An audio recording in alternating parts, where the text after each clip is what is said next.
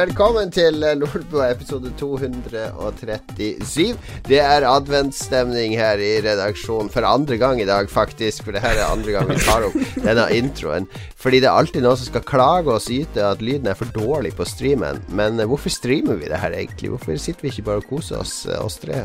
Er det, er det, det er jo ti stykker som ser streamen, er det ikke det? Mm, akkurat nå er det 15, men jeg tipper de fleste okay. skrur av etter den sutringa i starten.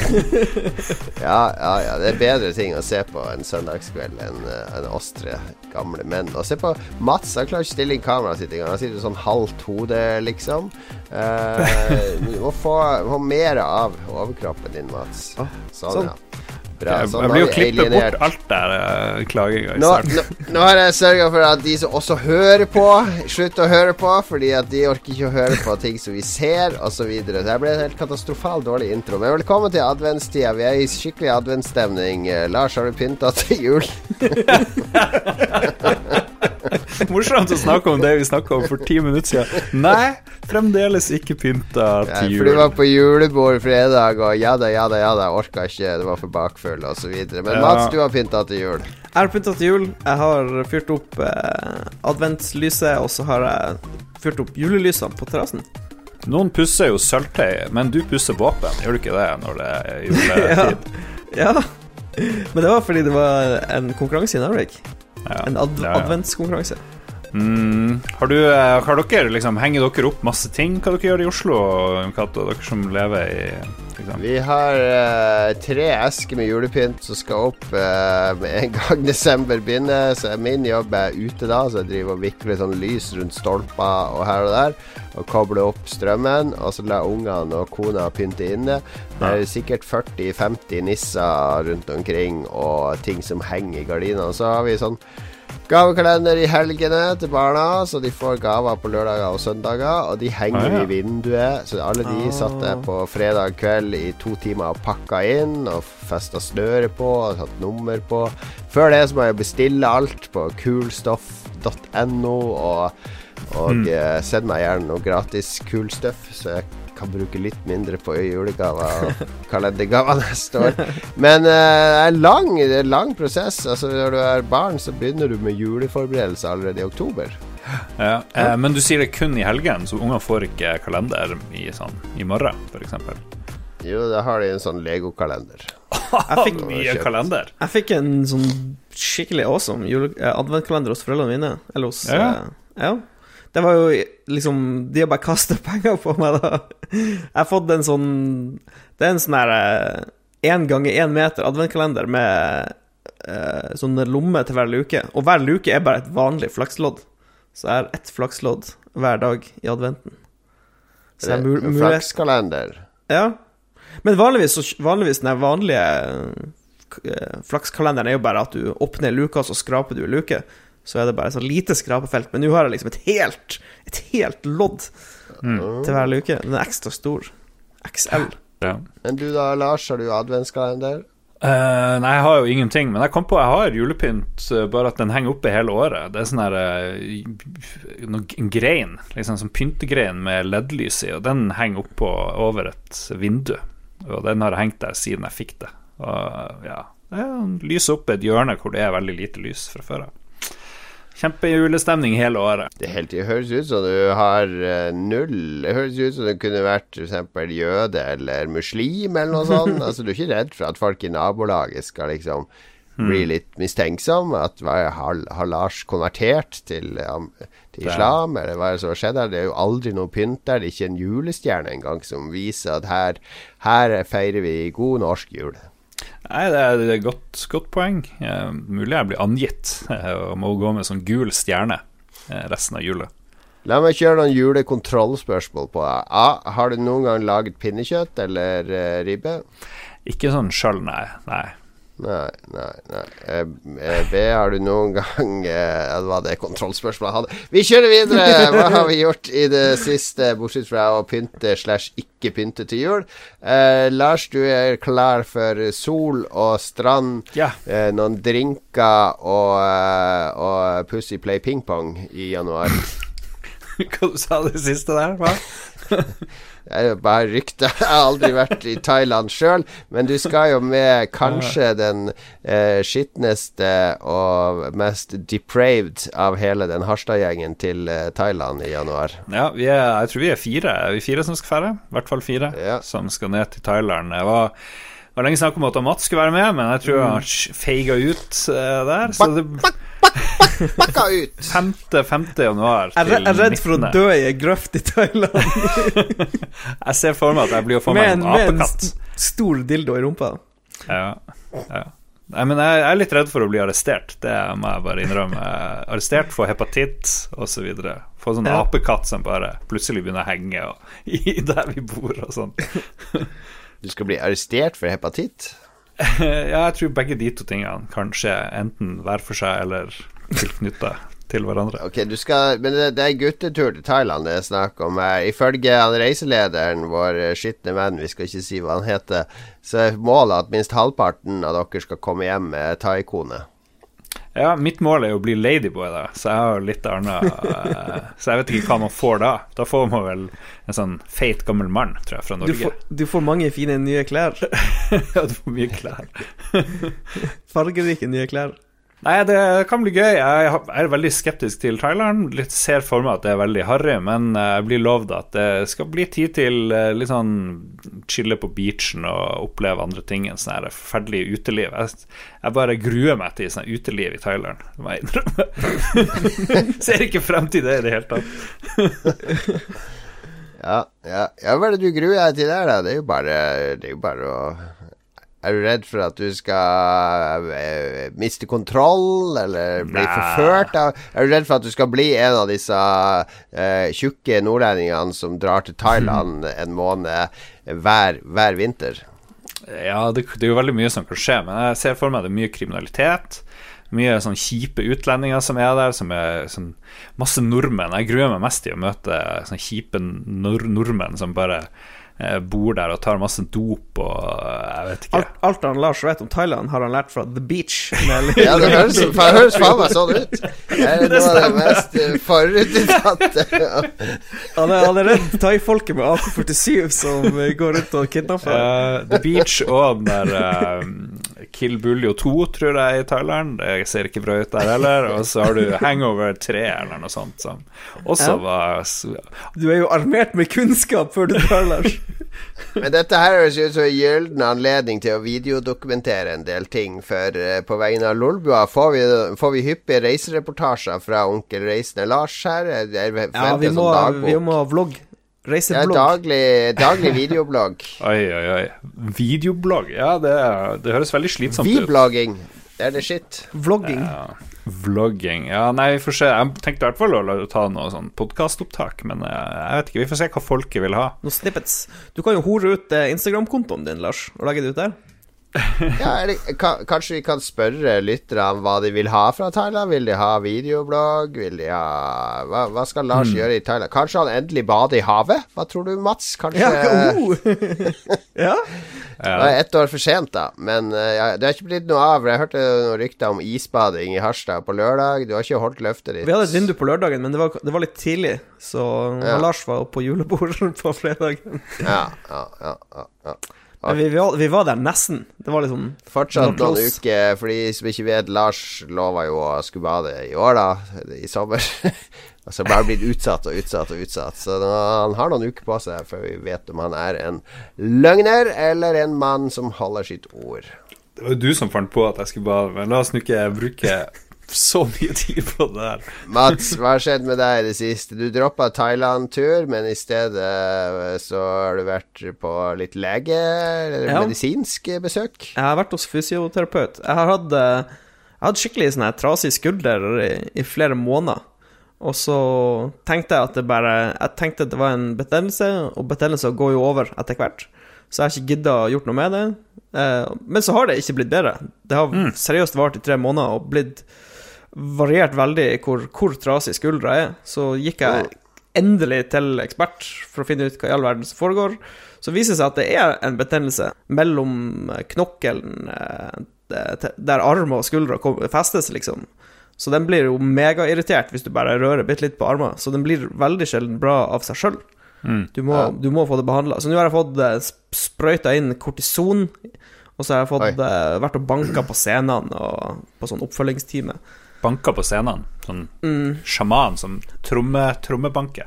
Men den der bankinga var mye verre enn jeg trodde. Jeg trodde det var noe sånn at hun skulle liksom bare slå litt på skuldra eller noe sånt, men det var, hun hadde jo en sånn der lufthammermaskin som var ganske hissig. Jeg slo sånn flere ganger i sekundet. Mm. Og så brukte hun ultralyd for å finne scenene, og så tegna hun med ei penn hvor hun skulle skyte, liksom, med den hammeren. Så sa hun på forhånd ja, vi skal ligge på Vi skal ligge på fem-seks på smerteskalaen. Så spurte hun liksom hvor vondt det gjorde når hun starta. Ja. Så sa jeg liksom ja, vi er på tre-fire, og så justerte hun opp ned maskinen, og da gikk vi jo rett til værs på smerteskalaen. Det var, Kanskje logaritmisk skala. ja, jeg tror det det. Det er som desibelskalaen. Men det var Ja, jeg håper det blir bedre, da, for jeg er lei av å ha vondt i skuldra. Det er noe Det skjønner jeg godt. Hjelper ikke å begynne å trene, kaste seg på svømmeregimet til Lars. Og, Jeg, jeg har prøvd eh, litt sånn lett trening, og Og så har jeg prøvd også å holde, holde bare skuldra helt i ro hel Altså flere dager på rad, liksom. Men det hjelper, hjelper ingenting, så Meg, skal vi ha hele programmet om Mats sin skulder? Ja. Jeg kan snakke masse om gammelmanns eh, Vi kan ta mine gamlemannsproblemer, Fordi det er nå, eh, vi var jo Lars var jo her i Oslo forrige helg, og da hadde vi jo sjalabais pinnekjøtt julebord. Hvis du har hørt forrige episode, så vet du jo at det ble en fuktig affære med hele Nesten hele hytteturgjengen var der. Men jeg, jeg kjente jo allerede den dagen at jeg var i ferd med å bli sjuk. Du vet når jeg får sånn deilig kløe bak i halsen, og du kjenner at det tetter seg litt i sinusene, og litt tyngre å puste og sånn. Der, Der kommer den der eh, årlige forkjølelsen, influensaen. Så jeg, jeg gikk jo hjem ganske tidlig fra den festen. Jeg hadde en musikkquiz og litt sånn, eh, men jeg roa ned på akevitt og drikke og kom meg hjem, fordi jeg skjønte at nå ble jeg sjuk. Og søndagen så var jeg jo enda mer sjuk. Og mandag så var jeg skikkelig sjuk, men da måtte jeg gjøre noen sånne jobbting, og sånn foredrag jeg skulle ha og sånn. Og så tirsdag og onsdag lå jeg helt utslått med sånn 39 i feber. Eh, så da hadde jeg en ekte manneinfluensa, og det eh, Det er skikkelig trasig, da, for du klarer jo ikke å spille og sånne ting som krever at du er litt aktiv. Ja. Eh, men så fordelen da er jo at jeg ser jo mer Netflix og sånne serier og filmer og drit mens jeg ligger sånn i halvkoma, enn jeg gjør på et halvt år, liksom. Jeg fikk jo er pløyd gjennom eh, Bodyguard og Haunting of House Hill og en to-tre filmer på sofaen i løpet av disse tre, tre Mm. dagene, så jeg fikk eh, Ja, er fordeler og ulemper med å være sjuk. Blir den der bodyguard bedre? Jeg syns den, liksom, den ble litt sånn langtekkelig etter hvert. Og de driver og ligger med hverandre og liksom bare Ja, ja. Men, nei, men det, den, eh, den holder mål, men den er litt seig. Jeg skjønner hva du sier. Det, det er en ting som varer litt vel lenge der, men eh, Stiller meg undrende til denne beskrivelsen av bodyguard, men uh, jeg lar det gå. Mats, Mats tror vi snakker om den Whitney Houston-filmen, Lars, men bare la han tro det. Fortsett. Hæ?! Hva er det sykt? Kevin Costner! Si! Nei, det går ikke! Altså, jeg, jeg, syns, Bodyguard var liksom snappy, det skjedde ting i hver episode. Historia gikk fremover. Det var seks episoder totalt. Det var liksom boom, boom, boom. Eh, ja. Jeg stiller I let me hear you say yeah, oh yeah. Boom, boom, boom. I let me Ok, det var en avsporing, og det var et tegn til at musikken skal starte. Kjør i gang. Venga Boys, boom, boom, boom. I let me hear you say yeah. Oh, eh, det er kanskje ikke Venga Boys.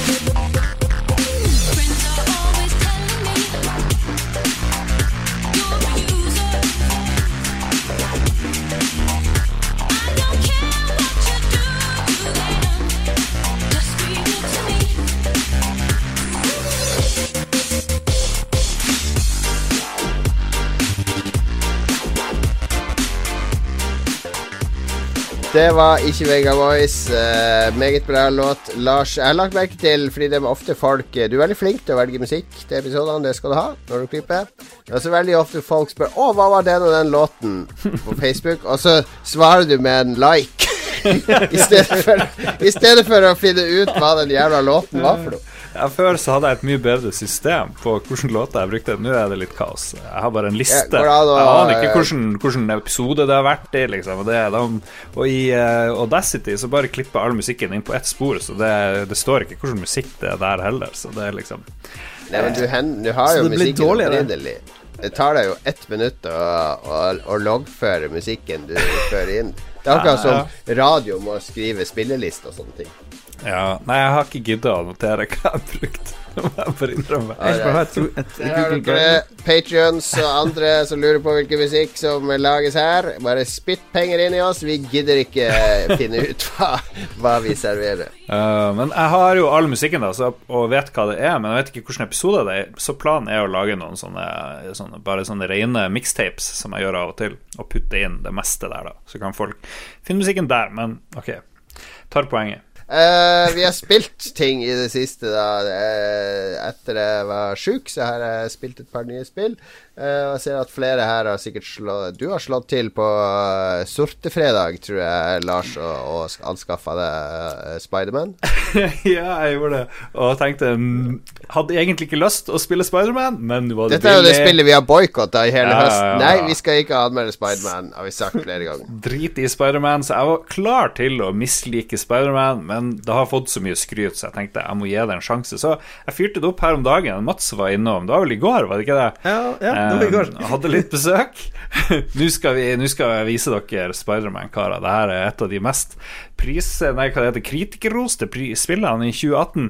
Og skrudde av etter et kvarter, eller kanskje mindre enn det, jeg vet ikke. Kvarter. Det var det akkurat sånn som jeg frykta det skulle være. Det var litt sånn der intro i starten, for å svinge mellom noen hus, så havner du på bakken, og så må du begynne å trø, som febrilsk trykke, og slå sånn her 15, 20, 30, 40, 100 fiender, akkurat som i de Batman-spillene, og det hater jeg. Jeg klarer ikke det. Så jeg bare, ja, fuck det her dritspillet, skru det av, kommer aldri til å spille det igjen.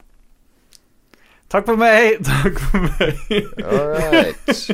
Så jeg angrer kjempemye på at jeg kjøpte det der Spiderman for 301 eller annen krone. Tenk hvis det hadde vært på Steam, da kunne du fått en refund. Mm. Kjipt at det er bare Steam som eh, tilbyr det. Ja. Så ja, nei, det ble sånn kjapp ragequit, for det der var kjedelig as fuck. Men eh, Så jeg skjønner ikke hva Det er jo mulig det blir bedre etter ti minutter. Nei, men. Problemet er at, altså, hvis, du har, hvis man har issues med liksom core combaten i spillet, så tror jeg det blir vanskelig å, å spille gjennom Ja, for det er sånn eh, floaty Batman-combat, der Mm. de liksom eh, står på sånn skøytebane og slenger Mm. boksespark eh, Bokseslag og, og spark mot hverandre. boksere og andre undertøy-ting. Nei, men det er akkurat sånn. Liksom, hvis du trykker på punch, så bare hopper han fem meter den veien og begynner å slåss med en sånn tilfeldig fyr du ikke ser på skjermen.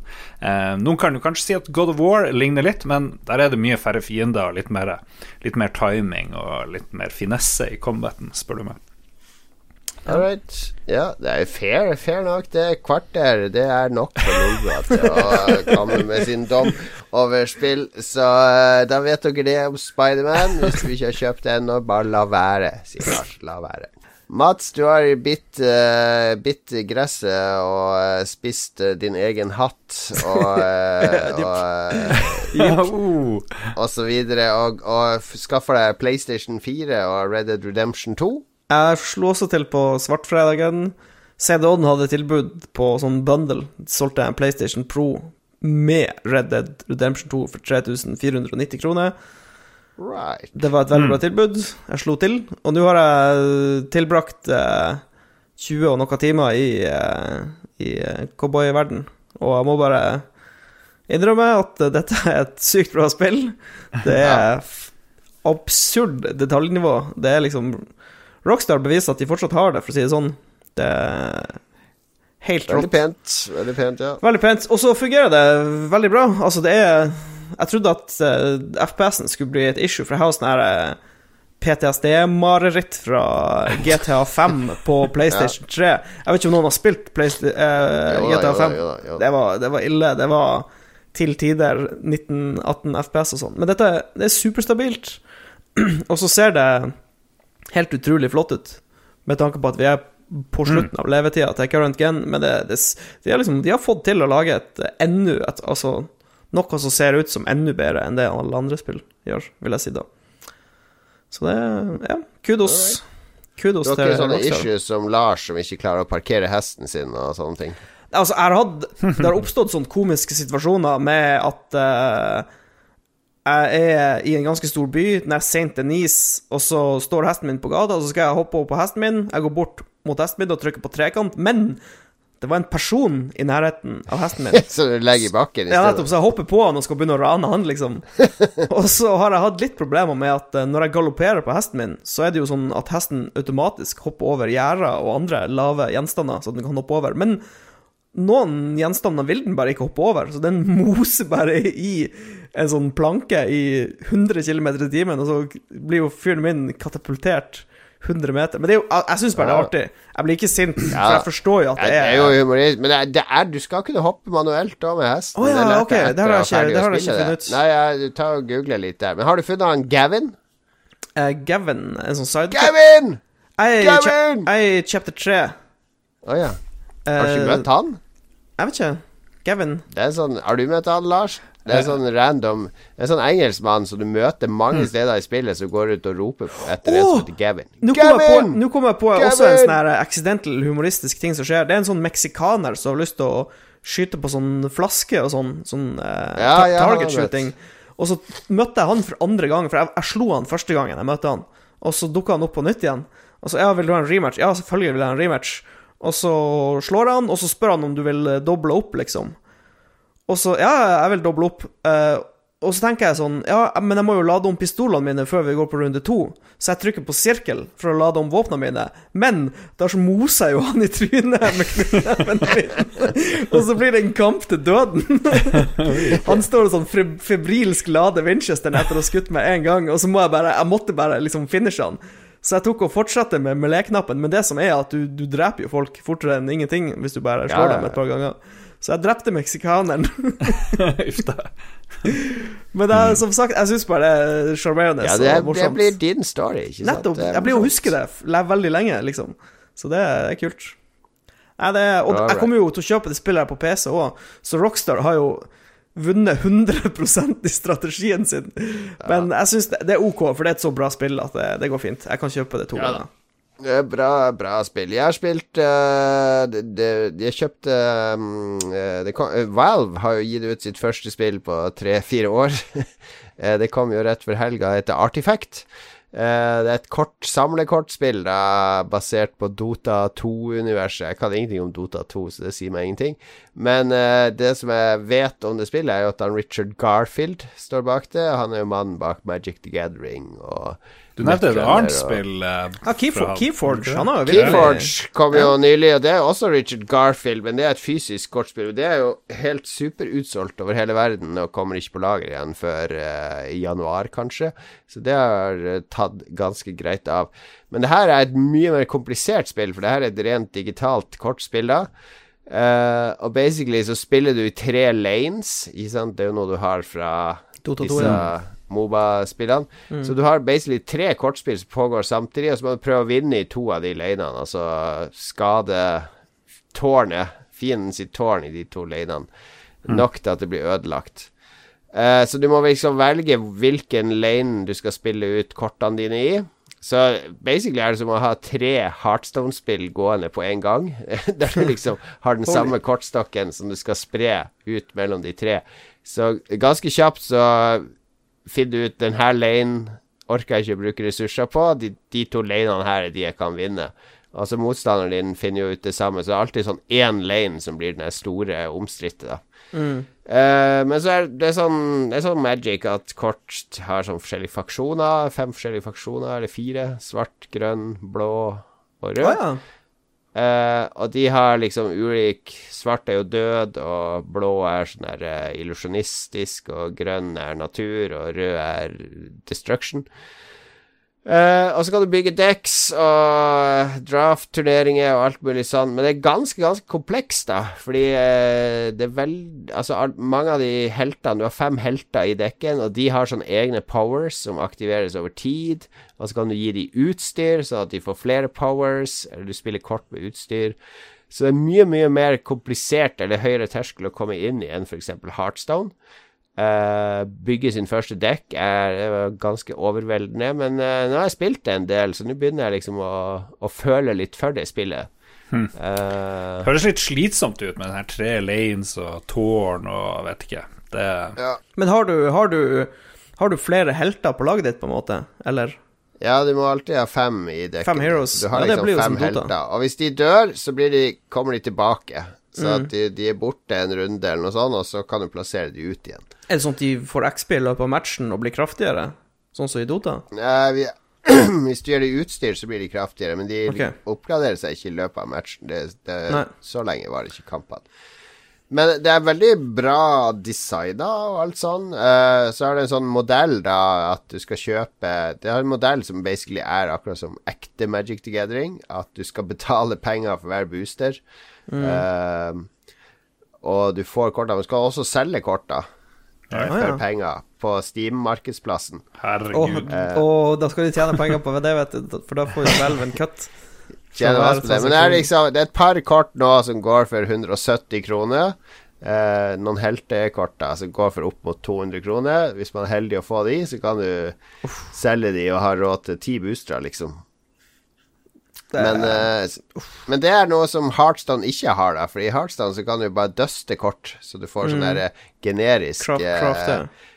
valuta for det. Mens her så kan du, hvis du for spiller draft her, da må du kjøpe fem boostere. Det koster deg 70 kroner. Altså må du ha to sånne tickets. Så du betaler basically 100 kroner for å spille et draftspill digitalt. Men da drafter man kort som du da får beholde etterpå. Ja, nettopp. Du kan selge kortene etterpå. Ja, du kan gå for de sjeldneste kortene i draften og sånne ting for å få høyest verdi på dekken. Og det er mye Det er mange som har klaga mye på det her, fordi det er mye penger du kan bruke i det spillet her. Men du, det er ikke mye altså, Du trenger ikke å bruke så mye penger. Du kan spille gratisvariantene òg. Du har tilgang til alle kort hvis du spiller Novice og sånn, men det er, eh, det er et veldig komplisert Eller det er veldig annerledes eh, bra tilskudd til de mange kortspillene som er på markedet. Ja, jeg, så, jeg så bare litt på en stream. Det var ganske sånn intimiderende med de her tre lanesene. Men det er sikkert eh, Ja. Når man kommer inn i det, kanskje, blir det litt mer Utrolig bra designa og visuelt, og animasjonene og, og selve spillinga og sånn. Uh, UE og alt er, er superintuitivt når du kommer inn i det. Jeg skulle tro det var bra siden det er han der Garfield-fyren som, som lager det. Men det er jo litt humoristisk òg at han har to spill eh, akkurat ute nesten samtidig. Ja, og det ene, Keyforge, er jo veldig lettbeint og lett å lære, egentlig. eh, Og det er ikke noe sånn deckbuilding, så du slipper hele det aspektet. Mens det her er jo sånn supertung deckbuilding, metaspill, der du sitter, skal bruke masse tid på å Ja. å sette sammen ting. Yes, men det var Artifact fra Valve.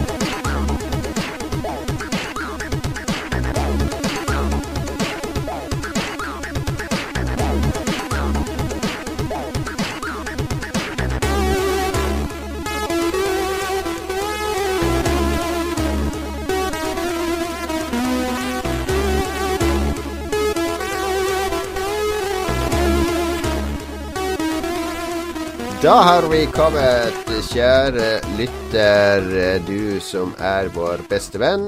Og vi elsker at så Hvor mange er det som hører på Lolbanen? Er det 100 000? 120? Hva var siste tallet fra, fra TNS Gallup, eh, Lars? Eh, 50 000, ikke 100 000. Du tar litt feil. Men eh, ganske mange. Det er det. Så det er litt rart at det er bare 100 cirka som støtter oss på Patrion. Men det det sånn er folk, liksom. Vi er, det er noen tusen, men uh, det er veldig hyggelig at dere velger å tilbringe tid med oss. Podkast er jo veldig i vinden. 2018 ble spådd å bli podkastens store år. Er det sånn, uh, Lars? Føler du det? At det har blitt, det har blitt stort for oss? Vi har jo en Ja. oppegående patron og en jevn inntektsstrøm nå som gjør at vi kan ta oss råd til ting. Ja, absolutt. Nei, det er, jeg vet ikke om det har blitt year of uh, the podcast. Uh, det, vi driver og venter litt akkurat sånn på Vita-året, tror jeg. Men, uh, og VR-året og sånn der. Men uh, det blir å komme. Jeg føler podkast er litt Vi har veldig smal definisjon av podkast. Det er litt sånn entusiaster som er glad i hverandre, og som kommer sammen og snakker, og så er det som Tror jeg da at lytterne vil ha At de føler at de er en del av en sånn kompisgjeng når de sitter der, ikke sant? Mm. Eh, og hører på. Mens når du ser disse Facebook Vi er jo med i noen sånne podkastgrupper på Facebook. Så er det jo mye sånn der uh, veldig kommersielle aktører som lager podkast. Og har laga fire podkastepisoder for Statoil. Herregud, det høres jo dritkjedelig ut. Ja, det er sånn norsk energibransje sin podkast. Ja, ja, ja. Så jo da, det, det er kanskje podkastens år. Fordi jeg har sett en del venner sånne her random folk driver og eh, Plutselig har de lagd sånn her Northpod, og felles er at det skal hete noe med pod. Det er visstnok ja. Da blir det populært. Vi skal ha nyhetsspalten, og vår nyhetsoppleser stakk plutselig med akutt diaré, eller et eller annet. Eh, han skrev i hvert fall i chatten her at det ble krise. Så da må jo en av oss lese nyhetene, Lars. Oi. Eh, Vi kan jeg ta annenhver. at Jeg, jeg Ja. kan ta den første. Ok? Fallout 76 har fått veldig mange dårlige reviews. 54 metascore, 2,4 user score og sinte tilbakemeldinger har haglet den siste uken. Har Betesta et kjempeproblem med dette spillet? Elder Scrolls Blades har akkurat blitt utsatt til 2019. Tilfeldig? Uh, har Betesta et kjempeproblem? Ja, det vil jeg tro. Det er selvsikkert ingenting, og de kommer til å kutte support for det her spillet. Sånn, Jeg gir 70% sjanse for at de kutter support innen et halvt år, eller noe sånt. Innen ett år, i hvert fall. 30% Det er et ganske eh, ræva spill på alle måter. Altså, det er et, eh, en grei opplevelse inni der hvis du spiller alene og ikke møter på folk, og bare liker å gå rundt og, og utføre oppgaver fra en sånn oppgaveliste, så er det helt greit og litt stemningsfullt her og der. Men det er så ræva skrudd sammen at, eh, at det, er, det er så mange feil i det. Ja, folk er veldig misfornøyd, men det er jo en viss sjanse for at noen griper tak i ting og klarer å snu det her og rundt, men sjansen er kanskje ikke så stor. Men det, vi må jo være åpne for at de kan liksom Ok, ryktet vårt står på spill her, vi må skjerpe oss. Destiny 2 hadde jo en gedigen snuoperasjon som, uh, som har fungert kjempebra. Det spillet er helt fantastisk bra nå.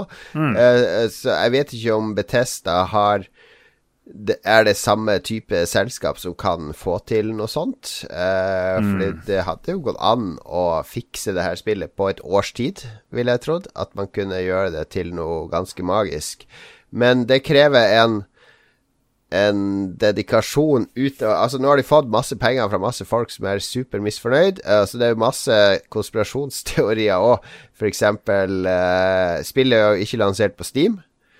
Eh, du måtte kjøpe det gjennom den råtne launcheren til Betesta.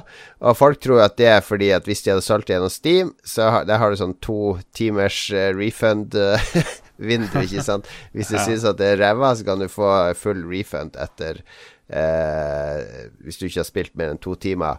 At de frykta at det skulle bli ganske mange som benytta seg av den. Så derfor så, så er det null refund-muligheter når du kjøper det digitalt via Betesta. Og så har du denne bagen som de lovte bort i Ja. Collectors Edition, som ble erstatta med en eller annen plastpose fra Rema som de farga svart.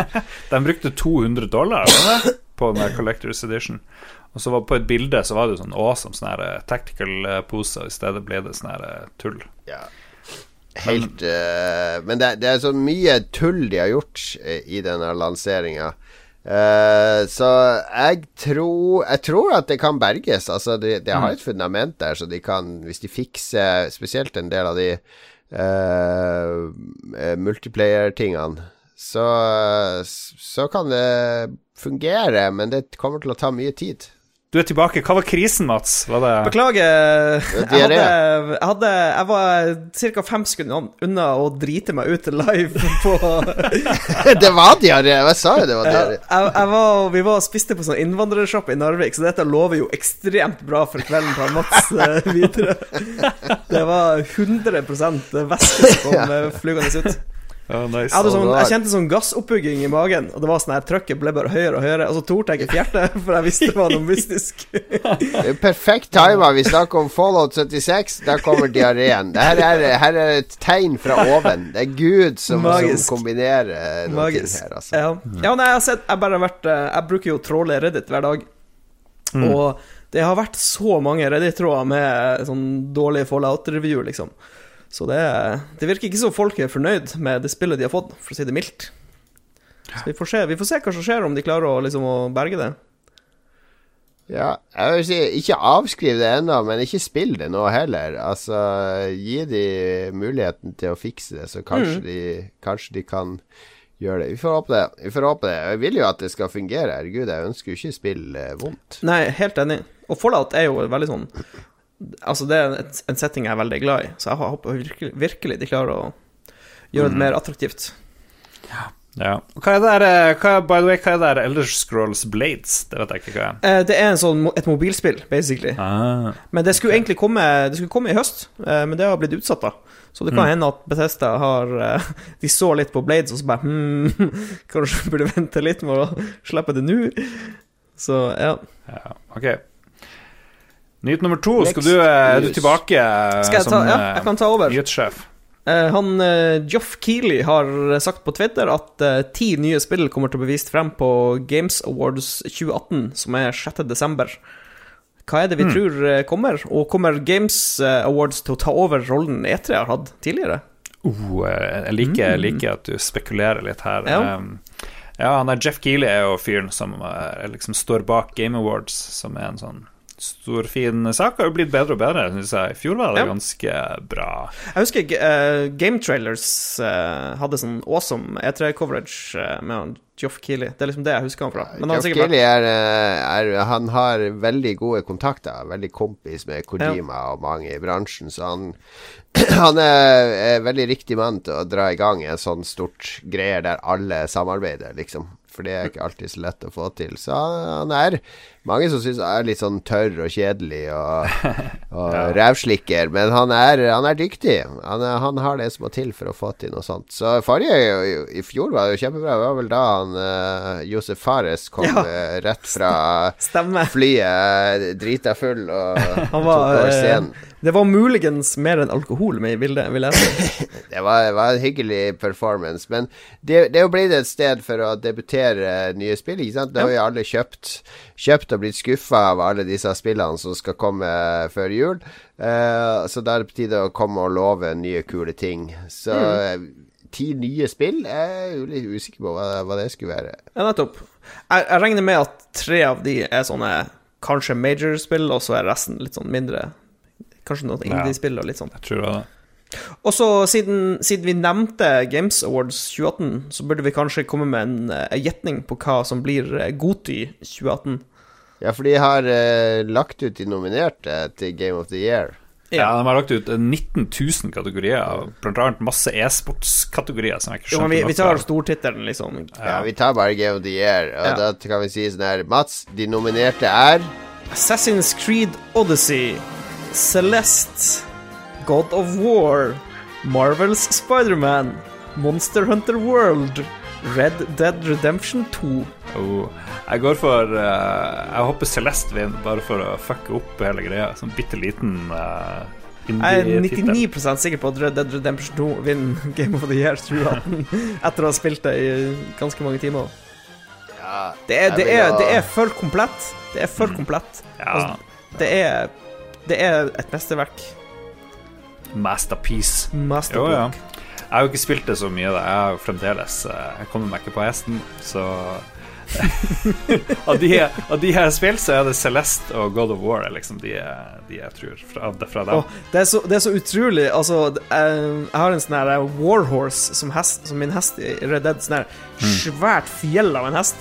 Og jeg, har drept så utrolig mange folk som står på veien og spør om hjelp. Så kommer jeg galopperende, og så tar de liksom ett skritt ut i veien og liksom vinker til meg, og så rekker ikke jeg å svinge unna, så bare moser de det med hesten og dreper dem. Det, det har sikkert skjedd fem ganger, jeg kødder ikke. Det er helt magisk. Hesten min er en drapsmann. Da vet vi hvem vi eh, gjetter på, Mats. Hva gjetter Jon Cato? Eh, Nei, jeg tror jo Red Dead vinner. Altså Mm. jeg, jeg, jeg er redd for at det kan bli en sånn amerikansk upset med den der middelmådigheten God of War. Men uh, vi får se. En middelmådighet! Oi, oi, oi. Ja, ja. Ja, apropos eh, Red Dead. Red Dead Redemption 2 Online har fått en litt tvilsom start.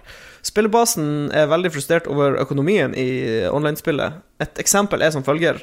Hvis du selger en gold wedding ring i en butikk, så får du 1 dollar og 15 cent. Hvis du skal kjøpe en boks med baked beans, så koster det 1 dollar og 50 cent, altså mer enn det du solgte denne gullringen for. Og en Mauser-pistol koster 1000 dollar i våpenbutikken. Blir, GTA Online, blir dette GTA Online på nytt igjen, eh, med shark cards og andre tvilsomme microtransactions? ja herregud. Det tror Det jeg. er, jeg tror vi er på gang igjen. Jeg tror vi er på'n igjen. Jeg vil tro det. Det er veldig skuffende, for jeg hadde jo håpa, i og med at du har sånn leir ikke sant, i singleplayer-delen, at eh, de skulle lage Kanskje bli litt inspirert av survival-spillene. At du kunne gå sammen, en gjeng. Altså Vi kunne laga en Lolbua-posse, og så bygd en leir, og så at vi må forsvare den leiren. Vi, må ha, vi kan ha en NPC-er som liksom vokter den for oss, og så, og så må vi beskytte den og lage sette ut feller og litt sånne ting. Sånn Ja, som i, i. Rust og Konan og sånne ting. At spillere har ulike leirer rundt omkring og herjer og har uh, influens i regionen eller et eller annet. Men i stedet så er det jo bare ganske generisk, eh, det- akkurat som GTA Online. Det, det føles veldig barebones. Uh, GTA Online har i det minste heists, som er sånn i hvert fall bitte Ja. litt komplisert. det kom, det kom to år etter. Nettopp. Det, det tok jo kjempelang tid før det kom, så jeg tror det blir litt samme greie her, at det vi har nå, er veldig sånn eh, skikkelig bare bones, Mm. uh, basic generisk, og så bygger de kanskje litt på det. For de har, de har jo tjent så mye penger på GTA Online, Ja, de har, er, det, er, er så mye penger i det at jeg tror ikke de endrer så mye, dessverre. Fordi folk eh, er suckers og vil Men jeg spørs om det er like sjarmerende å spille i den westernverdenen som i den det, det skal sies at jeg har ikke spilt online sjøl ennå, men jeg har allerede sett veldig mange morsomme klipp som involverer lassoer og uh, griefing av spillere. Ja. Så ja. Han eh, Ståle spilte jo med en eh, haug folk, annet vår uh, producer han Kenneth og Kobrakar. Og det, Kobrakar. de hadde det ganske morsomt. Det er magisk å se Ståle spille online, for han får helt til å skyte vennene sine i trynet sånn, eller i ryggen og sånn her, og late som ingenting. Det, det, det anbefales. Men jeg syns ikke det er så kjempe, kjempe, kjempekult. Det er liksom å drive og ri, ri rundt hele tida. Det er ikke det samme som å kjøre rundt i en bil og bare mose på. Det krever litt mer. Det går mye saktere, krever Ja, mye er mer eh, det, Ja, det var, det var en ting det, var- eh, det var en person som kom med et godt poeng. Fordi når du spiller sånn online-mode, sånn som sånn Team Deathmatch-aktige greier og sånn, så, så ser du jo ikke fiendespillerne på kartet før du har skutt dem i trynet og sånn. Mens når du spiller den her roaming, hvor du bare er og Du er ikke i noe mode, liksom, da ser du jo navnet på alle spillerne, så det er veldig lett å finne folk og ta dem, i anførselstegn. Så det var noen som foreslo at det burde være vanskeligere å se folk i roaming, eller å skille spillere fra NPC-er. Det kunne gjort det mer interessant. Og det syns jeg var et godt poeng. ja. Det er jo fortsatt, fortsatt beta, så det er jo mye de kan Eller en del de kan endre på. Men uh, for meg så ble det sånn Altså, jeg har så mye respekt for den verden når jeg spiller singleplayer, ikke sant? Jeg prøver å være forsiktig og, og passe inn, og jeg, jeg følte at den verden var så levende at jeg liksom trådde litt varsomt der, og, for jeg føler at jeg har sett spor etter meg. Mens med en gang jeg begynte å spille online, så ble det sånn her ah, de de, Hele verden er bare Det føler jeg malplass jeg, jeg vil ikke færre å herje rundt og tulle sånn her i denne verden. Det blir bare tull. Ja. det blir for barnslig for Yokato. Springer ut og skyter og tuller. Ja, synes, det, ble, det ble det, ble det, ble det. Men ja, ja. Okay. Nok, om, nok om det. Vi får se hvordan det utvikler seg. Da har vi kommet til ukas anbefaling! Det var favorittspalte, fordi da sprer vi glede. Bortsett fra når eh, Ja, vi får se om Lars har vært hos tannlegen i det siste, eller eh, eh, Er det Rema? Kan du røpe, Lars, er det Rema denne gangen, eller er det jo Det er? Jeg anbefaler i dag en bok som jeg leser for andre gang. Bok? Faktisk. Ja. Ja. For jeg fant ut at det kom en, hadde kommet en oppfølger jeg ikke hadde lest, til boka 'Blindsight' av Peter Watts. Som er en litt sånn hard science fiction-greie. Peter Watts er en uh, marinbiolog. Og da, når jeg hører marinbiolog, så tenker jeg med en gang på han George i Seinfeld. I Seinfeld. Ja. Som, The sea was angry that day, my friends. uh, magisk. Men her har vi en ekte, tror jeg, uh, marine biologist. Som har skrevet en del um, uh, greier fra havet. Han har en trilogi eller noe sånt. Jeg leste en av de, husk, sy- syns det var helt ok for mange år siden, jeg husker ikke hva den heter. Eh, men så har han òg en serie oppe i verdensrommet hvor, eh, hvor det er veldig mørkt og dystert. Um, I verdensrommet? Wow. Det, ok. Det var, en, det var en original take på verdensrommet. Ja, men det er ganske originalt. Eh, Menneskene har vekka opp vampyrer, blant annet. Um, og funnet Oh, ut hvorfor Jeg de du sa det var sci-fi. Du sa det var hard sci-fi, eller? Hard sci-fi. Ja, i Vampires from outer space. Hard sci-fi. Ja, men det, han har veldig mye morsomme ting. Eh, Vampyrene døde ut fordi de var eh, allergiske mot rette vinkler. Det er liksom den gode forklaringa til hvorfor, hvorfor de døde ut. Det er derfor man får rundt med kors, fordi de liker ikke sånne ting. Men nå har de funnet noe sånn her eh, Jeg tror de har bare funnet gammel DNA og liksom vekt dem opp igjen. Og sånn. Men de her vampyrene er sånn fire ganger mer intelligente enn mennesker, veldig skumle. Uh, så de er selvfølgelig sjef på det, vampyrene er sjef på det her manned mission. Alle blir livredde og holder på å flykte når de ser han. Hovedpersonen er en fyr som har hatt sånn enorm sånn MS eller et eller annet. eh, Måtte skrape ut halve hjernen sin da han var liten. Så den, den har de stappa full av sånn her eh, cyberware-ting som gjør at han er veldig flink å observere ting. Han er liksom reporteren, kanskje, en slags eh, journalist med, skal liksom få med seg alt og melde fra tilbake til jorda. Så har du en lingvist om bord som har splitta personlighet. Hun har sånn fire stykker oppi hodet, og til sammen så kan de alle språk i verden. Og er her, veldig mye rare ting. Mye, et originalt crew, det er ikke Star Trek. Så Det høres um, mer ut som Red Dwarf enn Star Trek. Det. ja, det er- veldig unikt eh, utgangspunkt, som, som på overflate kan høres litt eh, weird ut. Men eh, plutselig en dag så eh, Eller de er oppe i verdensrommet og flyr mot en uh, ukjent uh, intelligens oppe i verdensrommet. For plutselig en dag så dukker det opp sånn 60 000 satellitter rundt jorda, omkranser jorda, bare flash, tar et sånt bilde, eller den gjør et eller annet. De tror de bare fotograferer hele jorda samtidig. og fanger alle signaler, så lurer, får folk angst og lurer på hva det her er. Så finner de et nytt signal som de jakter etter. Og så så får de opp og finner, og det blir veldig Cthulhu in space og mørkt og weird, og veldig mye om menneskets utvikling og filosofi. og Veldig mye, mm, mye morsomt, og nå er jeg i gang med bok to. Bok nummer én, 'Blindside', var helt amazing. Jeg skal ikke spoile så veldig mye, men det jeg sitter mye og slår opp. Heldigvis har jeg jo Kindle, sånn der du kan holde inn på et ord og finne ut hva det betyr, for det trenger du. Og jeg bruker en sånn avansert ord hele tida. Bruk veldig mye avanserte ord, og mange av de finner du ikke igjen når du holder inne. Står Wikipedia har ingenting på det her, så du må bare liksom Vil du lage en artikkel om ordet?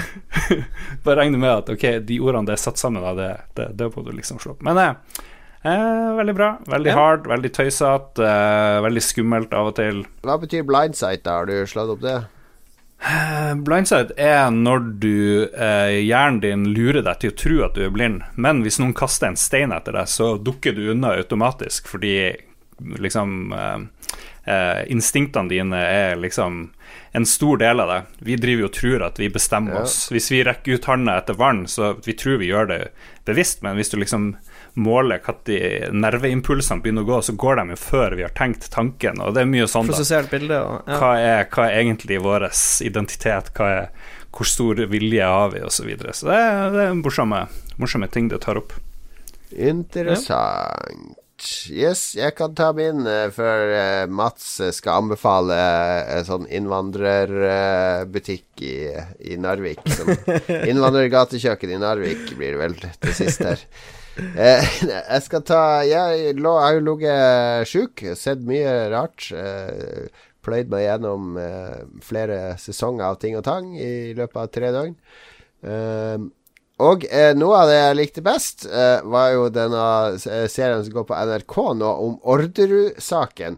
Fordi jeg husker jo når den Orderud-saken pågikk, så var jo Det var så massiv mediedekning at du ble jo helt sånn der eh, Jeg fikk litt sånn der aversjon mot det. Bare, ja, OK, en sokk og en gård og en sånn gårdstvist og en eh, tidligere nakenmodell og ditt og datt. Det ble, ble liksom sånn der farse. Det var vanskelig å, å tenke seg at Orderud-saken var faktisk ekte, syns jeg, i, på, på 90-tallet og starten av 2000-tallet, når det foregikk, fordi det var sånn mediesirkus. Så jeg fulgte aldri helt sånn ordentlig med på det, for det var så sinnssykt mye dekning av det. Eh, så nå eh, har jeg sett en veldig grundig dokumentar der som tar for seg de rettssakene, og også eh, i dag er det vel siste episode der de liksom Stemmer etterforsker litt på nytt. Jeg vet ikke om de kommer frem til noe nytt, men det er jo en veldig fascinerende sak da med disse to gamlingene og dattera deres som blir skutt og drept av to typer revolvere hjemme i, i kårboligen sin utenfor Oslo her. Eh, og han sønnen som bor rett nedfor på gården, og kona hans som blir anklaga for det, sammen med søs, halvsøstera til hun kona og en type som hun bodde med på Frogner i Oslo. Og, og det som de har i den serien, er jo at de har fått frigitt all, Alt ble tatt opp på video i eh, lagmannsretten, den første anken, da, oppe i Hamar. Så det er veldig mange klipp der fra rettssaken, da, med forklaringer der du får se de tiltalte og vitner og alt mulig sånn. Så det er ganske spennende. Ja. Ganske Er det sånn 'making a murderer'? Er det en sånn person som skal fri Det er det, Nei, det er eh, Ja, det er en sånn person som liksom reiser rundt, men han er ikke sånn jævla in your face som ofte er i disse amerikanske. Det er ikke en sånn tydelig vekting en eller andre Nei, det veien. som er, han er mer- ganske flink å være nøytral, vil jeg si. Ja, han Og- er en nøytral reporter. Han var reporter under de originale sakene for lokalaviser der oppe. Altså Nå skal han gå gjennom sånn. Jeg snakker med de opprinnelige etterforskerne, og de får utlevert bevismaterialer og ser på telefonlogger og alt mulig. Så det er veldig sånn edruelig eh, fremført. Men de Herregud, for et eh, et, eh, et, et eh, hva skal jeg si, et spindelvev av drit som veves rundt dem. For jeg skjønner jo egentlig at de ble dømt, for her er det mye det er tilfeldigheter vel- og, og og ting som Altså, det er så mange ting som veier mot de, føler jeg, da, i, i, i det vi får hørt. At Helt, eh, helt enig. det, de, de kan umulig ha uh, ja, de, Begge de to, Orderud, uh, som Veronica og han uh, Per, de hevder jo fortsatt at de er uskyldige og vil ha saken gjennomtatt. Og det er jo også veldig Hvis du har sittet 20 år i fengsel, så tenker jeg at det er bare fuck it, la meg gå videre med livet sitt. Men de bare Nei, nei, nå skal vi ha opp saken igjen. Så Ja. Ja, det, det er det som gjør at Som skurrer så sinnssykt. For jeg er også eh, oppdatert med å ha sett alle episodene. Så hvorfor Men det sa jo han OJ Simpson òg. Han skulle Ja, liksom eh, komme dusørt i de som fant de ekte Det er de som fant altså. ut hvem det var som gjorde det. De, Ja, det- det de, de har det ingenting å tape på, de her ordrefolkene Orderud-folkene. De er allerede dømt, så Ja. beste som, de kan liksom ikke gå i fengsel på nytt. Så ja, godt poeng. Ja, ja, men det er fascinerende. Altså, spesielt som en kontrast til det der Staircase og uh, Making a Murderer og mange av disse amerikanske.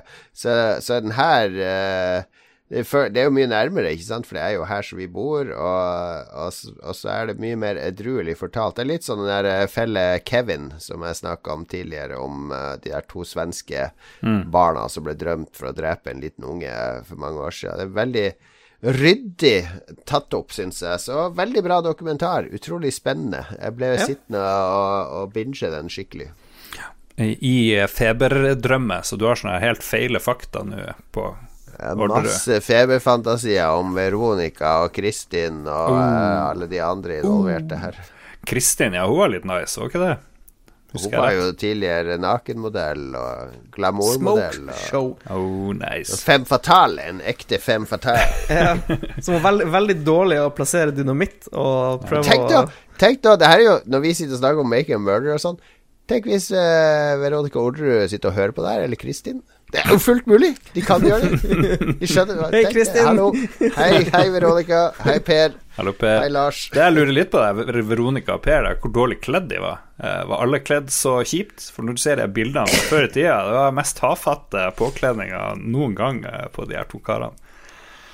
Ja, det var vel litt uh, taktikkeri i det. Per gikk alltid i disse strikka genserne. Så jævla varmt ut i de rettsalene. Og det der han der kosk Kos, Toska fikk det fra. For han David fikk også en strikka klær hele tida.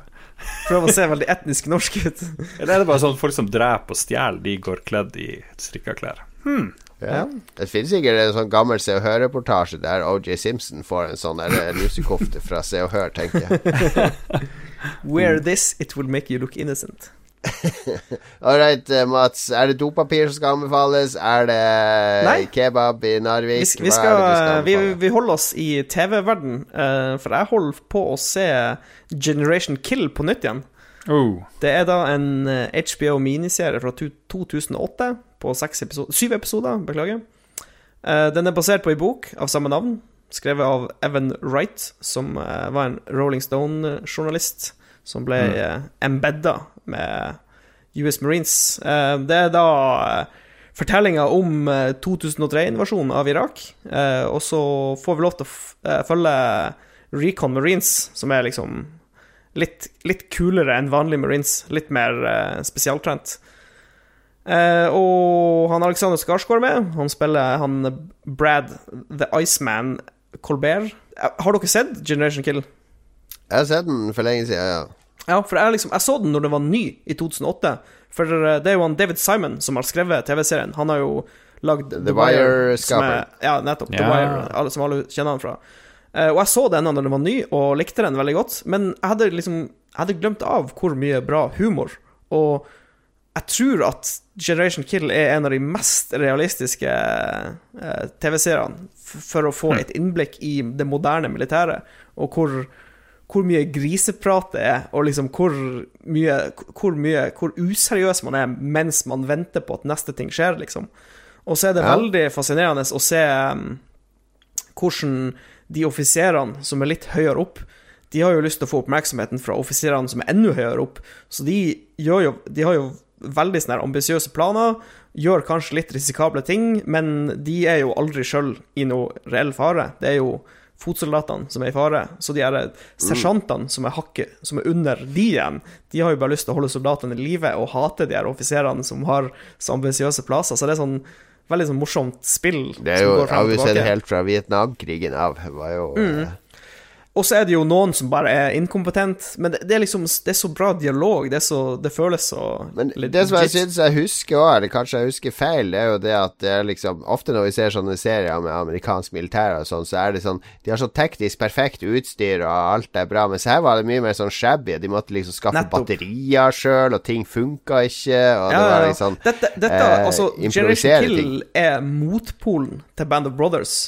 Eh, Mhm. For Band of Brothers er det liksom Altså Airborne Rangers er liksom De er en perfekt unit, de får ting til å fungere, de er liksom Mens dette er liksom jeg tror dette er mye nærmere virkeligheten, om hvordan det er. liksom De mangler batterier til, til night vision goggles, så de kan ikke bruke de hele tida. De, liksom, de må kjøpe et utstyr til sin egen Humvee. Eh, Han, eh, han eh, Alexander Skarsgård sin karakter må jo kjøpe sånn pansring til eh, tårnet. Ja, så han, vent, han sitter liksom og venter på at pakken skal dukke opp før de skal, skal invadere Irak. Så det er, hvis, hvis folk gikk glipp av denne TV-serien når den var ny i 2008, så er det absolutt verdt å sjekke den ut, for det er ja. megakvalitet. All right, tre anbefalinger der. Boka 'Blindsight' av Peter Watts, med vampyrer og andre bisarre ting i verdensrommet, som utvikler seg til en filosofisk fabel med masse til ettertanke og godt engelsk språk.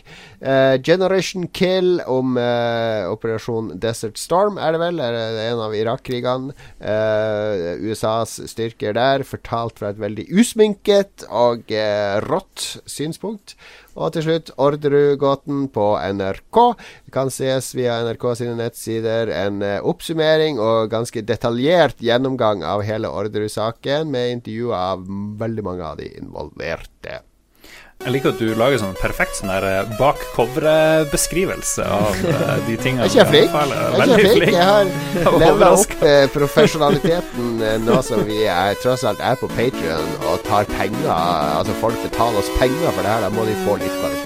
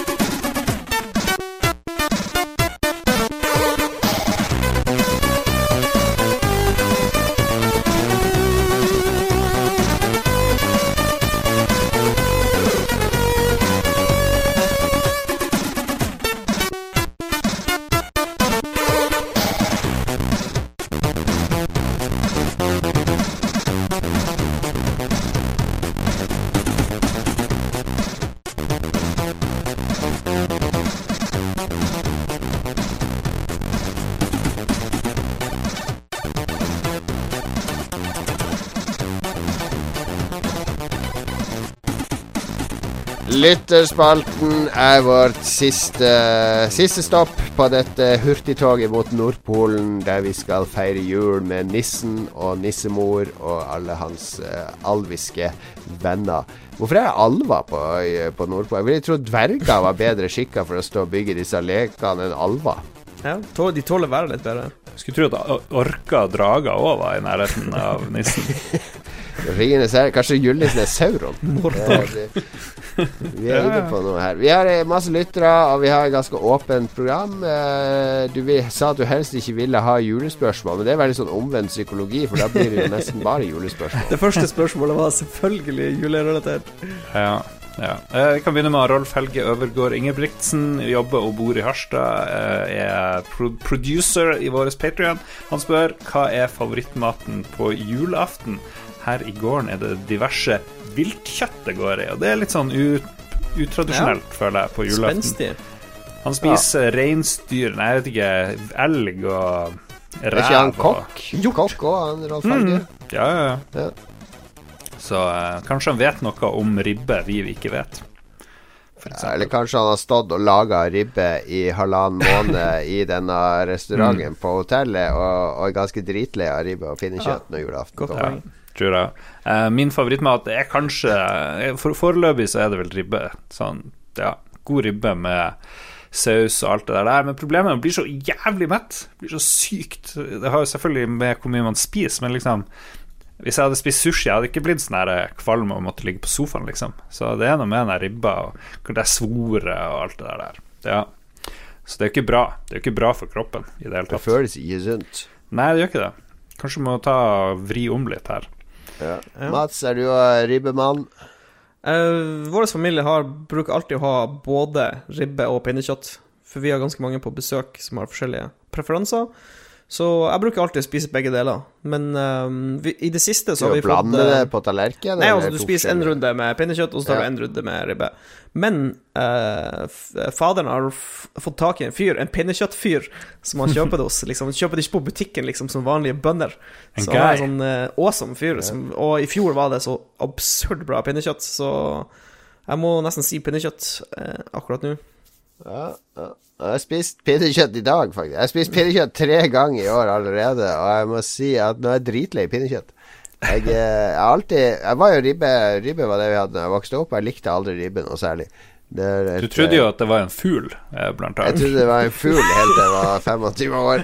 det var en sånn diger fugl som var laga. Men, Det er jo fantastisk. eh, ja, jeg, jeg har aldri brydd meg om hvor ting eh, maten kommer fra, fordi det er bare noe som skal konsumeres og bli til energi. Men akkurat den ribba Jeg spiste masse sossisser, det var det jeg spiste på julaften som regel. Sossisser og potet og ketsjup. Helt til jeg var lagd opp i tenårene og begynte å smake på den der ribba. Var ikke så veldig god, syns jeg, men jeg spiste den hver jul. Det var, lukta liksom jul. Det var mer Ja. lukta enn smaken. Men så min familie som jeg gifta meg inn i her, de har vært sånn pinnekjøttfamilie, og det syns jeg var kjempegodt. Og det er akkurat som Mats, så er det de får det fra en sånn kar på Vestlandet, og, og ditt og datt, sånn elaborat historie om det. Så det jeg syns var kjempegodt, men akkurat i år Nå spiste jeg pinnekjøtt først når vi var ute på lutefiskkveld, eh, Lars. Det var ganske mediocre. Og så spiste jeg pinnekjøtt eh, på den kvelden vi var på. Da var jeg begynt å bli sjuk, så det smakte det heller ikke så mye. Eh, Den var sikkert kjempegod. Og så Ja, spiste jeg pinnekjøtt i dag, og det var ok, det òg, men eh, det var liksom eh, Magien mangler. Jeg tror kanskje jeg har mista smaken for pinnekjøtt. At det ikke Jeg, li- jeg syns ikke det er så godt. Så nå, nå skal vi feire jul i New York i år. Um, Ja.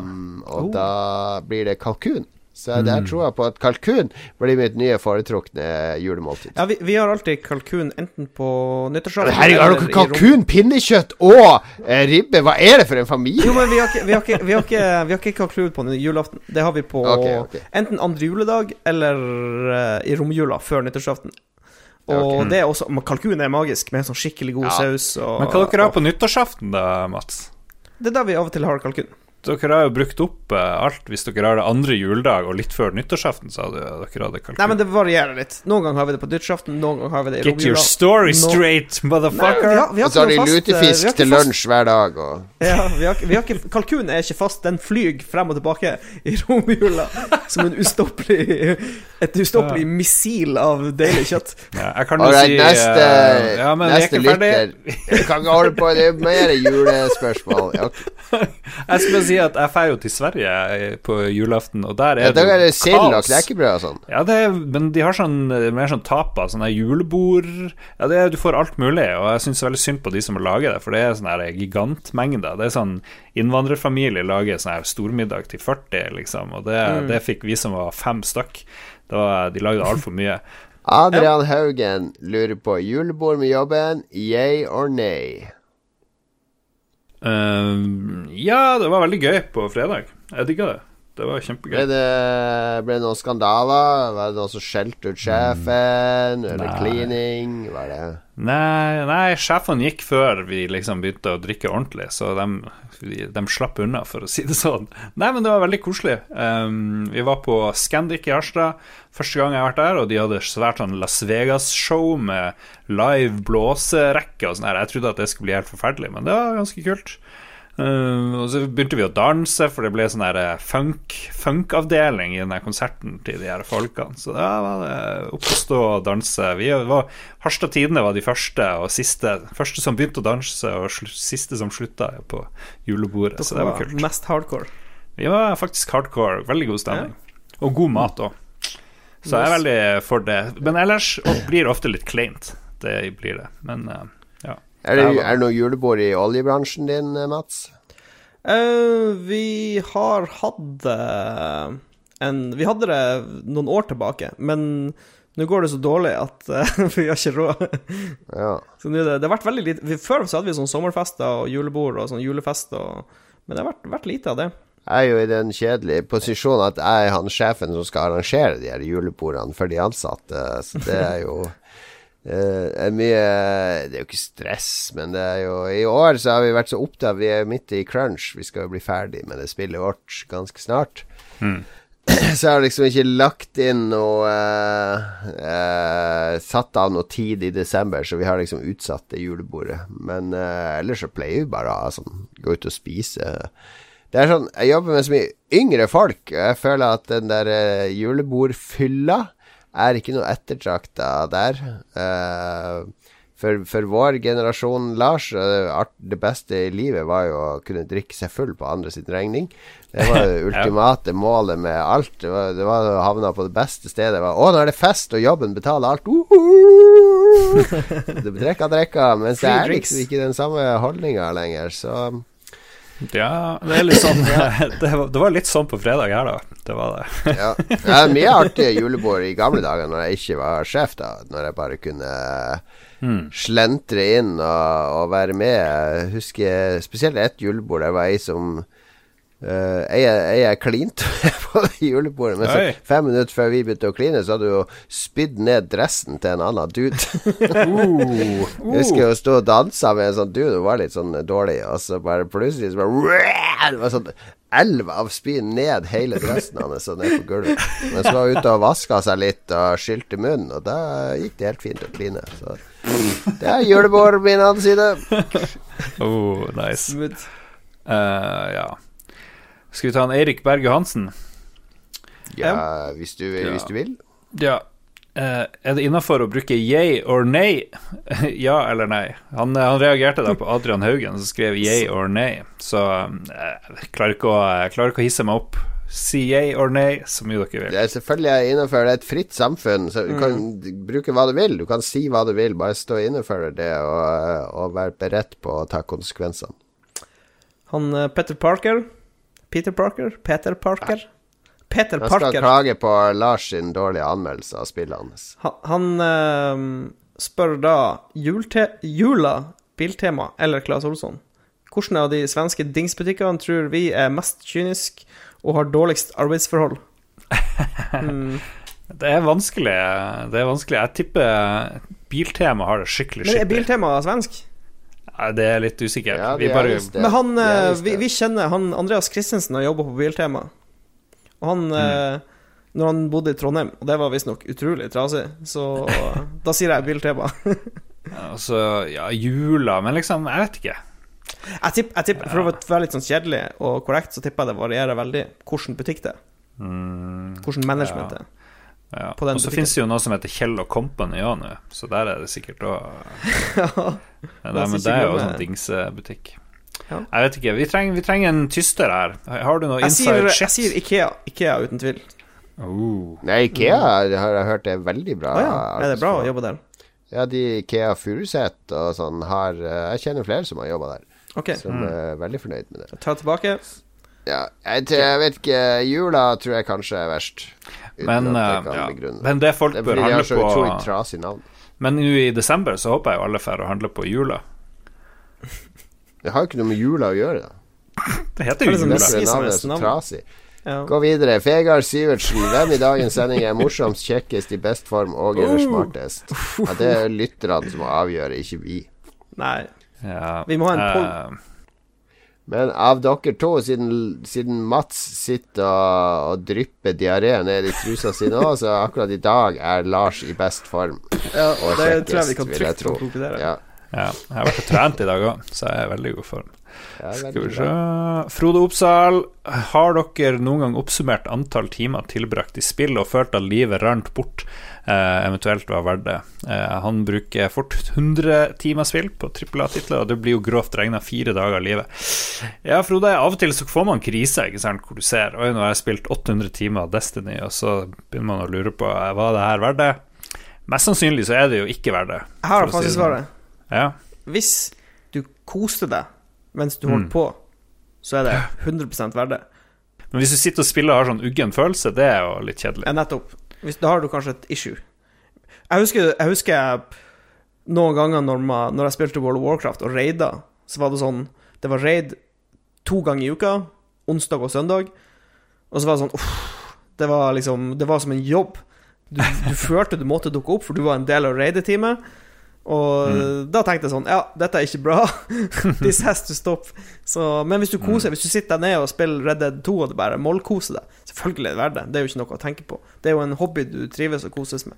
Det er Det er jo timer som du skal bruke på det uansett. Hvis du har seks timer å slå i hjel hver kveld, så du kan, du kan se gjennom alt i Hotell Cæsar, liksom. Er det Verdien er jo, ligger jo i hva du henter ut av det. Så du kan lese bøker, du kan se film, du kan høre på musikk. Du kan se porno seks timer hver kveld og onanere hvis, du, hvis det er det du foretrekker. Uh, du kan sitte og stirre i veggen og bare tenke. Samle inn men, penger men da burde du ikke si det til noen hvis noen spør hva du gjorde i går, og hva du liker å men det er gjøre. timer, det er timer du skal bruke uansett, uh, på et eller annet. Så, så er det jo Altså, alle får jo en, en krise med at de føler Herregud, nå sitter jeg og kaster bort livet mitt på å lese disse Harry Potter-bøkene som blir dårligere og dårligere. Men jeg må jo lese ferdig, jeg har jo begynt, osv. Alt mulig kan jo forårsake sånne kriser. Så eh, ta det ikke så seriøst. Bare tenk på at du har Jeg vet ikke hvor gammel han er. Hvor gammel tror du han Frode Oppsal er? La oss si han er 30 år. Du har kanskje 10 000 ja, Hva blir det? 10 000 dager igjen å leve. 24 Kanskje har du to, to 240 La oss si du har 350 000 timer igjen av livet ditt. Så du skal jo bruke de på et eller annet. Ikke stress så mye med at du kaster de bort. Hva er det optimale du kan bruke de 350 000 timene du har igjen av livet ditt på? Som, som gjør at når de timene tar slutt, så er du mest mulig lykkelig. Jeg vet ikke. Ja. Nei, det er jeg er helt enig. Glem å snakke med familie. De den der onkelen og tanta du burde ha snakka med, bare drit i det. Spill litt mer. Spill litt mer. Det er jo bare timer i eh, som, Og ingen blir å huske deg om 100 år, liksom. Ingen blir å tenke på deg uansett.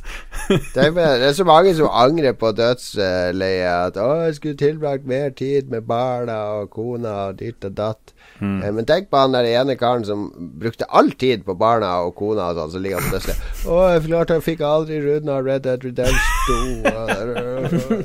Ja, nei, men det Han finnes sikkert, han òg. ja, Det var jo en sånn uh, treningsekspert uh, som Apropos sånn jogging og leve lenger, så sa han at de, de årene du får av å jogge ekstremt mye, de du får tilbake på slutten, liksom, det er veldig lite tid det er snakk om, og den tida bruker du sannsynligvis opp på å jogge. Så du bør være veldig glad i å jogge hvis du bruker det som en unnskyldning for å leve lenger. det, Ja. det, ja, ja. Gjør ting du liker å sette pris på. Og så tar vi han eh, Marius Krinnan. Hvem er den av dere som eier flest uspilte spill? Jeg tror jeg tar den på Steam. ja, ja, ja, nettopp. Har, eh, jeg har rundt 500 spill på Steam, ser jeg. Og det er veldig mange jeg ikke har spilt. Så jeg vet ikke hvordan du ligger an, Jo Cato. Jo, jeg har vel et par hundre. Jeg har sikkert bare spilt halv Ja. Jeg tipper hvis jeg skulle gjette, så har jeg spilt rundt en fjerdedel av spillene mine. Jeg har, jeg har jo en koffert full av Nintendo DS-spill som jeg aldri har spilt, f.eks., som jeg har fått som promo men det er jo ikke noe jeg har brukt penger på. Nei, du har fått det Mm. gratis. Det skal sies at mange av de spillene her har jeg kjøpt på sånn, vint, sånn salg, da. Og tenkt sånn ah, dette skal jeg spille, og så har jeg kjøpt på salg, og så har jeg ikke spilt det. Skal vi se, vi nærmer oss slutten her, folkens. Um, Frode Oppsal har en bonusobservasjon, siden vi var litt sene å komme i gang. Eh, han nevner Jon Cato og heliumsballonger i fylla. Han mener at stemmen din pitcha veldig opp etter pinnekjøttet sist. Han trodde det var en pikepodkast han hadde i ørene. What? Ja, nei, jeg vet ikke. Jeg la ikke merke til det sjøl. I don't know. Så det får bli en fin eh, fornærmelse. Og til slutt, Mats Halvorsen, eh, hvordan spill er i våre Stack of Shame? Eh, vet ikke. Uh, Mortal Kombat X det er jo veldig lett for meg. Ja, Lars, du har jo Og nå eh, Og nå Ja, eller ja Jeg tror lurer på om han mener Stack for Shame Er det bare spill vi hater, eller er det spill vi ikke har spilt? Jeg husker han, han Spill- det. kan- Jeg tipper litt begge deler. Spill du har Ja, kjøpt som du ja. kanskje ikke burde kjøpt. Så nå er det Mortal Kombat X og Spiderman for min del. Jeg har noe sånn her eh, Total War Napoleon, tror jeg betalte veldig mye penger for, og det har jeg ikke spilt. Og jeg har, jeg har flere sånne her eh, Kanskje jeg ikke burde kjøpt spillet. For jeg kommer ikke til å spille det. Fordi hvis jeg skal spille Total War-spill nå, så kommer jeg jo til å spille Total War Warhammer. For det er jo mye, mors mye, Mm. mye mer morsomt. Så Ja. Ja. Jeg har noen brettspill som jeg har kjøpt for masse masse hundre kroner, men som ennå ikke har kommet ut av esken sine eh, fordi eh, de har ikke passa seg ennå. Men jeg håper de blir Ja. spilt en gang. De går ikke ut på data, da, er det vel det positive. ja. All right, dette var det. Takk for oss. Ha det bra. Vi, vi kan avslutte ordentlig. Takk for at du hører på osv. Det var det vi hadde. Vi har jo holdt på jækelig lenge før det. Tekniske problemer gjør at Time, time delusion. Det, det, det føles ut som vi har holdt på lengre enn de en og en halv Ja, time. jeg tror ikke vi har holdt på så veldig lenge. Så ja, nei, men takk for eh, oss. Eh, vi skal ta opp uh, Det her er jo når vi spiller inn på søndag. Vi spiller inn på Nå? søndag. Ikke stopp det da. vi har ikke avslutta. Det er jo Mats prøver å si han har stoppa opptaket, men det får så være. Vi, eh, det jeg skulle si, var at vi tar opp Ruffelbua Roffelbua i morgen etter det her, og det kommer til å bli en eh, juleekstravaganse. Jeg vet ikke, skal vi tease nå, Jon Cato? Vi kan eh, si at det har med Jesus Kristus å gjøre. Å, shit. Nei, det var drit i det. Bare, bare, du er ikke med resten av sendinga nå. Mats Det har, det har med Jesus Kristus å gjøre. Vi skal, eh, vi skal se åssen det går. Det er i julens ånd, da. Det må det bli. Eh, men Roffelbua er jo for de som er på Patrion, Lars. Eh, og vi kan, de finner oss på patrion.com slash lolbua. Yes, og så kan dere finne oss på lolboa.threadless.com. Finne ting. Ja, vi skal altså, legge ned den butikken snart, men dere bør bestille ting før nyttår, for da går jo opp nære grensa. Da blir Nei, det det bare tull. 2020. 2020? Ok, dere har Ja, ett år, slapp ett år. Men, eh, men eh, kanskje, hvis dere er heldige, så kan dere gå inn på lolbua.no i løpet av uka. Hvis Dag Thomas får fiksa Ja, nettsida vår er nede. Ja. Ja. Men ja, nå blir det veldig internt. Vi må, vi må legge på. Vi må Ja, bare vi si farvel. Takk for oss. Takk til våre produsenter, Lars. De heter TTMXMP og eh, Rolf Helge og Kobrakar Kobra eh, er våre produsenter. Jeg håper ikke det har kommet noen nye som jeg nå glemmer. Vi satser på det. Eh, takk for oss, og lykke til med adventstid. Husk å kjøpe julegaver i god tid. Eh, bruk blåsviks på skyen. Ha med paraply hvis du skal ned i Oslo sentrum. Og ikke glem, batong er bedre enn kniv.